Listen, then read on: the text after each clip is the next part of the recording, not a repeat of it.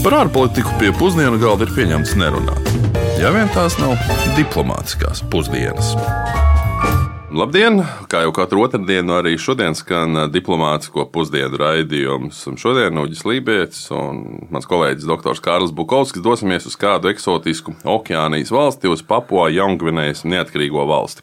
Un pirms mēs dodamies šajā ceļojumā, gribētos teikt, ka mums vienmēr ir patīkami dzirdēt atgriezenisko saiti no mūsu klausītājiem, un esam saņēmuši arī ziņu par to, ka daža laba klase izmanto mūsu raidījumu geogrāfiju geogrāfijas zināšanu stiprināšanai un lai gatavotos geogrāfijas eksāmeniem. Mums sākotnēji noteikti nebija tāds doma, ka mēs būsim arī geogrāfijas raidījums, bet, nu, bet nu, katrā ziņā prieks to dzirdēt un tāpēc arī. Īpaši sveiciens Cēzu valsts gimnāzijas 11. klasē. Tā gan bija. Tā ir skola, kurā es esmu gājis sagatavošanas klasītē, noklasītē, bet es turpat pāris lietēm biju konkurējošajā skolā. Bet, nu, katrā ziņā jāpaldies un sveiciens tiešām cēsim. Jā, paldies tiešām katram, kurš klausās. Mums prieks, ka mūsu raidījums ir ir ne tikai populārs, bet arī, arī noderīgs. Nu, tas tikai liek censties, censties vēl vairāk. Bet atgriežoties pie Papua Jaungvinējas. Um, Papua Jaungvinēja ir eksotiska valsts gan pozitīvās, gan negatīvās parādībās. Nu, diemžēl šīs 7,4 uh, miljonus iedzīvotāju lielās valsts galvaspilsēta uh, Portsmorbija, piemēram, tiek saukt par sievietēm pasaulē bīstamāko pilsētu, un par to mēs arī nedaudz tālāk runāsim. Nosaukums Papua ir cēlies no malajiešu vārda papua, kas um, nozīmē čirkains. Šo nosaukumu Jaungvinējas salai piešķīra Portugāles Jorge de Menezes 1526. gadā, atzīmējot vietējo iedzīvotāju matu formu. Un uh, divus desmitgadus vēlāk salu apmeklēja arī relatīvi slavenais spāņu ceļotājs Inigo Ortiz de Retes un deva tai nosaukumu Jaungvinēja, jo pēc viņa domām vietējie iedzīvotāji bija līdzīgi Gvinējas aborigēniem Āfrikā. Interesanti, eh, kuru gan eh, cilti viņš satika, jo to ir ļoti daudz. Un mūsdienās Papua Jaungrinē, ja konkrētāk Zalmanas salās dzīvojušajiem melanēziešiem, ir blondi čirkaini mati. Un tie nav krāsoti, bet gan dabīgā krāsā apmēram pusmiljonam cilvēku. Vēl vairāk, blondie mati ir izveidojušies no eiropiešiem ģenētiski neatkarīgā veidā, respektīvi, blondie mati nesot saistīti ar eiropiešu kolonizatoriem. No šo etnisko un ģenētisko daudzveidību mēs nedaudz esam iezīmējuši, un tāpēc uh, paklausīsimies, ko tad par šo visai eksotisko valsti, Papua Jaungvinai, zinās stāstīt arī mūsu klausītāji. Ar ko jums asociējas Papua Jaungvinēja? Nu, pajautājāt, es nezinu, ar siltu klimatu. Tas ir laikam viss. Oi, ar garšīgiem ēdieniem, augļiem. Jā, priecīgiem cilvēkiem, sauli. Ar dienvidiem, ar okeāniju, okeānu, jā, salām. Uf, kaut ko eksotisku, vairāk nezinu. Ar papagaļiem, ar siltu laiku. Nu, ar laikam kaut kādām baigām dejām. Wow, uh, okeānija, tālu projām, silts laiks, fantastiski džungļi Šķiet, ka man arī noteikti jā, ka tās ir tālās siltās zemes, un ka tie varētu būt kaut kādi mežoņi, cilvēku ēdāji, un, un tur tā bērnības dziesmiņa Kongo džungļos palmēna. Papua Jaungvinēja ir valodas ziņā pati daudzveidīgākā valsts pasaulē, jo šajā klusā okeāna dienvidu rietumu daļā izvietotajā valstī tiek saskaitīts aptuveni 840 dažādu valodu. Un tas ir 12% no visas pasaules valodu kopskaita. Uh, oficiālās gan ir tikai trīs - angļu, tokpisin un hirimotu. Un lielākā daļa no papo jaungurnējas valodām ir cilšu valodas, uh, kurās runā mazāk nekā tūkstoši cilvēku. Nu jā, nu te uzreiz jāmin, ka faktiski katrai ciltī, kas dzīvo pilnīgā izolācijā džungļos, ir sava valoda. Tādēļ uh, bieži vien viena ciema iedzīvotāja parasti nesaprot citu ciemu iedzīvotājs, kas atrodas apmēram 20 km no viņiem. Nu, fiziskā geogrāfija, kā kalni, upes, ielas, džungļi, faktiski sekmē to, ka šīs cilts varēja attīstīties katra pat par sevi, ne tikai kultūrāli un valodziņā, bet pat tehnoloģiski. Dažām no tām attīstot, piemēram, pilnīgi dažādus lauksaimnieciskos paņēmienus. Papua Jaungvinē, jeb PNG, kā to mēdz saīsināt vērtības nolūkos, vienmēr ilgu laiku bija Eiropiešu maz ietekmēta. Un, neskatoties uz spāņu ceļotāju klātbūtni lielo atklājumu laikmetā, jeb lielo geogrāfisko atklājumu laikmetā, Tikai 19. gadsimta beigās vācieši šeit nodibināja savu koloniju valsts ziemeļos, kamēr 20. gadsimta sākumā pašā Lielbritānija ar Austrālijas rokām šo izdarīja valsts dienvidos. Jā. Nu jā, PNG ir neatkarīga kopš 1975. gada, bet zelta un citu derīgu izrakteņu un zemes kā tādas zemes resursu dēļ valsts vēl nesen, 90. gados, piedzīvoja pilsoņu karu, kas prasīja ne tikai apmēram 20 tūkstošu cilvēku dzīvības, bet arī rezultējās Bogenvilas autonomā reģiona izveidē. Bogenvilas neatkarības centieni ir tradicionāli parādība bijusi, bet 2019. gadā notika referendums, kurā vairāk nekā 98% tā saucamo Ziemeļa Zālamana salu iedzīvotāju nobalsoja par neatkarību no Papua Jaungvinējas. Neatkarība autonomajam apgabalam paredzēts, ka ir jāiegūst līdz 2027. gada beigām. Attiecīgi, nu, pēc sešiem gadiem varēsim pasaules valstu saimē uzņemt Bugenvili oficiāli kā jaunu suverēnu valsti. Ja diplomātiskās pusdienas tajā laikā vēl pastāvēs, tad noteikti mēs arī pastāstīsim par Bugenvilu. Precīzi. Bet atgriežoties pie Papua Jaungvinējas, kā vēl vienots valsts, šobrīd tās etniskā, reliģiskā, kultūrālā daudzveidība ir ārkārtīgi iespaidīga.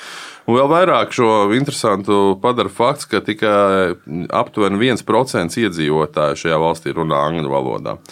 Un tādēļ arī mums radās jautājums, nu, kas tad vispār šo valsti satur politiski kopā. Un to mums stāsta Mikls Mūžrais, attīstības sadarbības eksperts ar pieredzi dažādos projektos Austrumāzijā un Rietumāfrikā.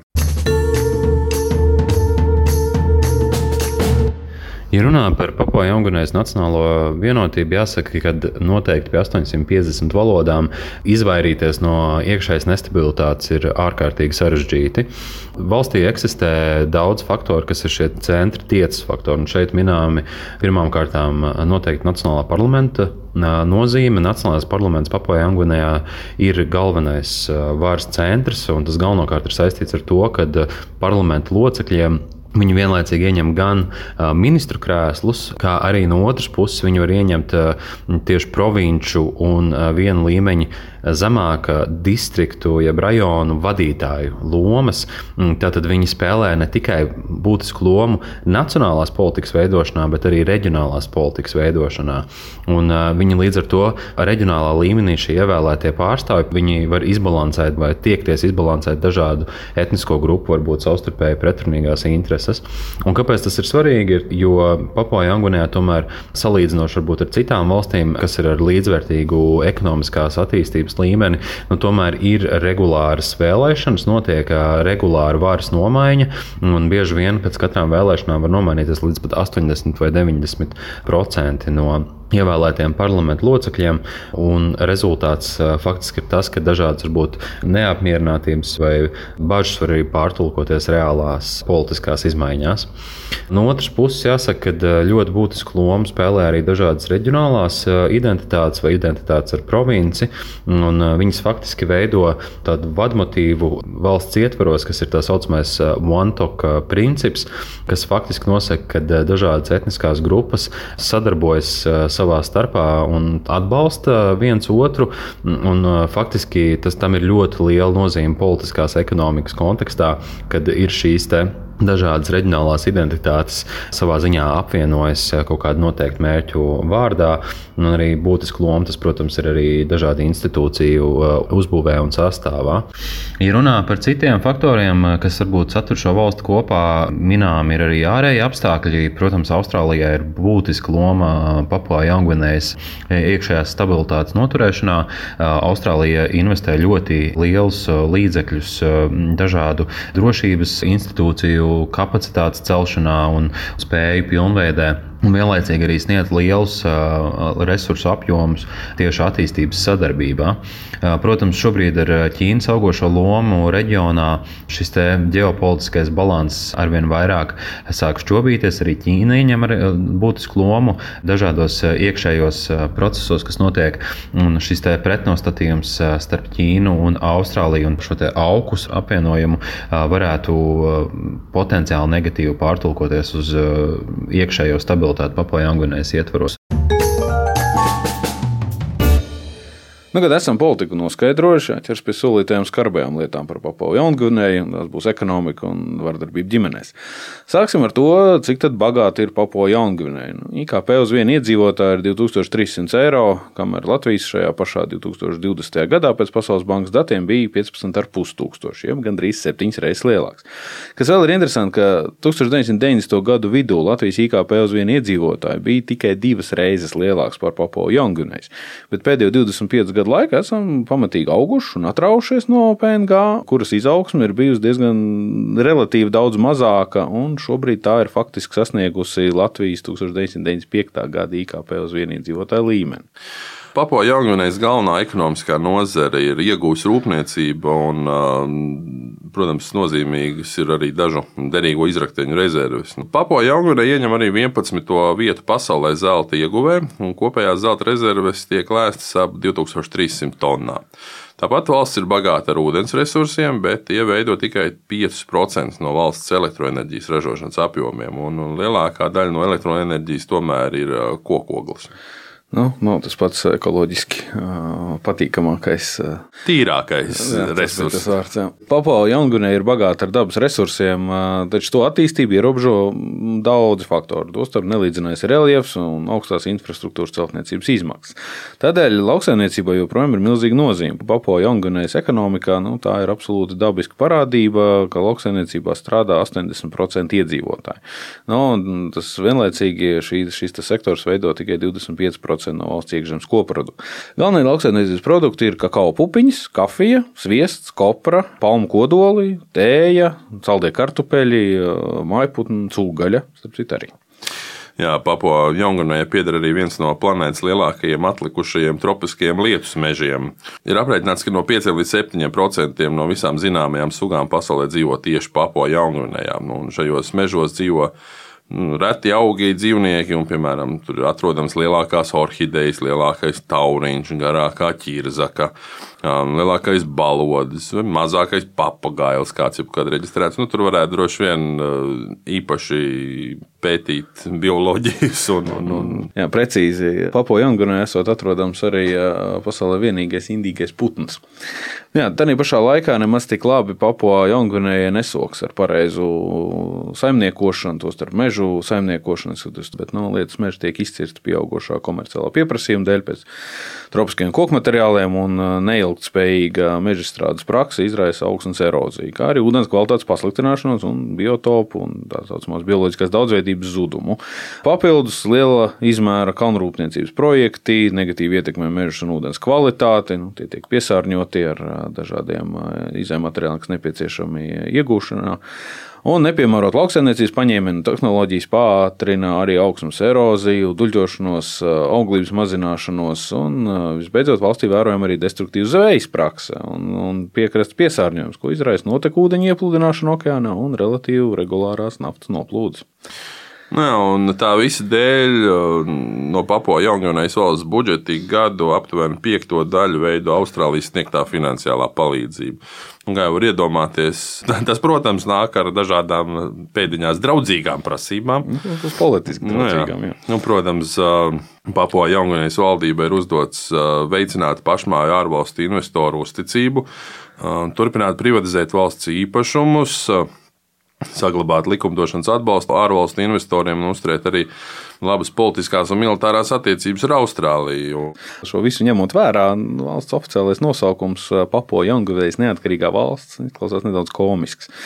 Bet tas, kas nav pavisam nav komisks. Ir ārkārtīgi augstie vardarbības līmeņi pret sievietēm un bērniem, kas eksistē Papua Jaungvinējā. Lai arī par Austrālijas naudu šis jautājums tiek risināts, bet, kā minējām, tad BBC vēl pavisam nesen nosauca Portsmouth par pasaulē bīstamāko pilsētu sievietēm. Viņi ziņo, ka pēc aprēķiniem 70% sieviešu valstī kādā savas dzīves brīdī, savas dzīves laikā tiek vai tikšot izvarotas. Un divas trešdaļas sieviešu piedzīvojot regulāru vardarbību mājās. Un, nu, piemēram, Papua Jaungunēs līdz 2013. gadam bija spēkā piemērots likums par buršanu kas paredzēja, ka jebkurš cilvēks, kas tiks uzskatīts par burvi, tiks apcietināts un pēc tam publiski sodīts ar nāvi. Un, un tā daudzas sievietes valstī tiek atzīmētas kā raganas un nogalinātas. Un, aptuveni 50 līdz 150 sievietes tika nogalinātas kā iespējamās raganas katru gadu. Taču šī prakse nekur nav patiesībā pazudusi, un apsūdzības burvestībās bieži vien tiek uzskatīts par nesodītas vardarbības, un tostarp arī seksuālās vardarbības iemeslu. Proti, nu, izvarošanas izmantošana noziedzīgu bandu darbībās arī ir plaša parādība. Nu, vīrs it savus sievas, jo tās viņa prāt neklausa un bieži vien izprotot savas tiesības izturēties, bet viņām kā pret īpašiem esošiem lopiem. Nu, tas tā kā liecina par to, ka tas attīstības līmenis vēl var būt ļoti, ļoti tālu atpaliek no mūsējām. Mm. Nu jā, cik nu tur atpaliek un neatpaliek, dažus gadus atpakaļ jau mums redzējām, ka mums trešdaļa vīriešu uzskata, ka vardarbība un sieviešu sišana ģimenē ir normāla parādība. Tā kā nu, ar varbūt neesam nemaz tik tālu tikuši, lai par šo runātu kā par kaut ko tādu, kas pie mums vairs nav raksturīgs, diemžēl. Lai cik būtu paēdis, vienmēr ir vieta arī desertam. Bet desertā tomēr vajadzētu kaut ko saldāku un vieglāku. Jā, nu tad es vispirms uh, par kādu sev pētniecisku, akadēmisku svarīgu tēmu pieteikšu. Papua Jaungvinēja ir viena no pasaules valstīm, kur reiz nauda bija gliemežvāki. Nu, šo daudz droši vien ir dzirdējuši faktu, bet uh, Papua Jaungvinējas gadījumā jūras gliemežvāki kalpoja par valsts valūtu oficiālo. Šī valūtas forma tika atcelta tikai 1933. gadā un tika ieviesta Ķīna. Tomēr glemžvāku izmantošana kā preču tirdzniecības metode joprojām ir izplatīta dažās vietējās kultūrās. Nu, laikam jau tas tik ilgi var eksistēt, kamēr glemžvāku daudzumu var kontrolēt, un lai kontrolētu naudas daudzumu ekonomikā un attiecīgi arī tās vērtību viena nianse.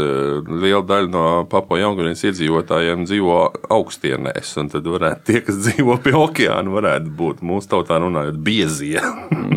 Jā, bet no ekonomikas principa pamata, jo viņi vairāk viņu akumulē, jo zūd vērtība, inflācija notiekās. Tāpēc šī gadījumā tie vieniem tas ir par daudz, un tiem otriem nav pavisam asimetriska attīstība. Nu, es gan laikam tomēr īsumā pastāstīšu atkal par uguni un faktu, ka Papua Jaungūnija atrodas uz tā saucamā uguns apļa.